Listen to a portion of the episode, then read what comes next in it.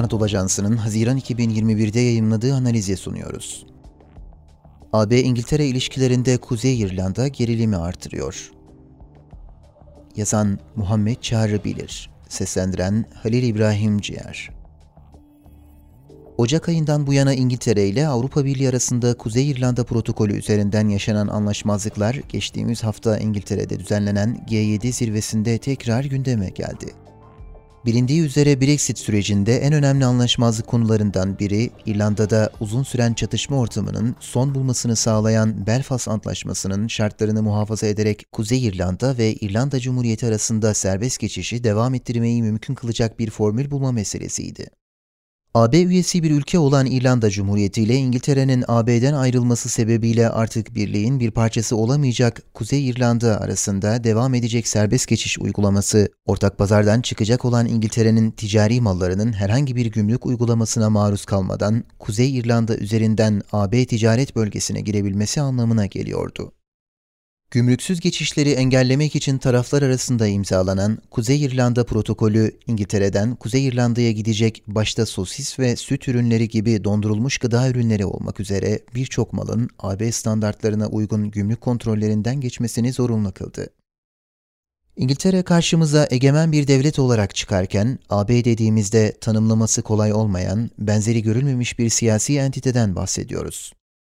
Öyle ki AB'nin nasıl bir aktör olduğu, hatta aktör olup olmadığı 70'lerden bu yana sürekli tartışılan bir konu.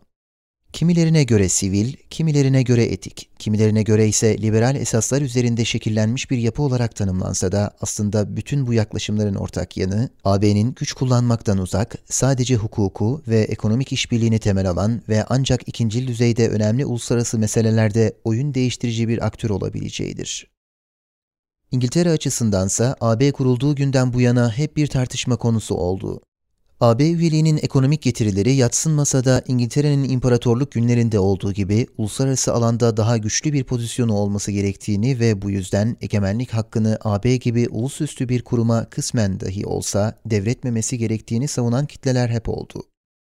Bu nedenle İngiltere'de hükümetler değişse bile AB'ye yönelik şüpheci tavır hiç değişmedi ve hatta hükümetler genelde Avrupalılaşma gibi Brüksel'de sıklıkla dile getirilen kavramlara tamamen zıt, pragmatist bir tavır benimsediler. ABD krize müdahil olabilir. Kuzey İrlanda protokolünün geleceğinin ne olacağı konusu belirginlik kazanıyor. ABD'nin dahil olmadığı bir senaryoda Fransa'nın katı tutumuna rağmen AB'nin krizi tırmandırma yoluna gitmesi iki taraf için de makul bir yol değil. Hatta meselenin ilk gündeme geldiği dönemlerde ufak tavizlerle çözülmesi büyük ölçüde mümkün görünüyordu. Ne var ki İngiltere'nin konuyu artık bir egemenlik meselesi olarak lanse etmesi ve buna karşılık Fransa'nın müzakere dahi etmemek gerektiği yönündeki çıkışı konuyu iyice karmaşık hale getiriyor.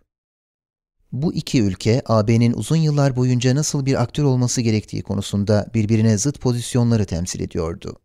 Fransa, ABD'den bile bağımsız ve uluslararası alanda aktif bir AB için çalışırken, İngiltere her zaman güçlü transatlantik ilişkilerden yana tavır aldı ve AB'yi sadece bir ekonomik kazanç kapısı olarak gördü. AB ülkeleri şayet bu krizi kendilerini terk eden İngiltere'ye karşı Avrupalılaşma fikrinin lehine sembolik bir zafer kapısı olarak görme eğiliminde olurlarsa, Kuzey İrlanda protokolü daha uzun bir süre gündemde kalmaya devam edecektir. Son olarak G7 zirvesinde Biden yönetiminin Belfast Antlaşması'nın tehlikeye atılmaması gerektiği yönündeki açıklamalarına nazaran ABD arabuluculuğunun devreye girmesiyle tarafların krizi ivedilikle çözme eğiliminde olacaklarını söylemek mümkün.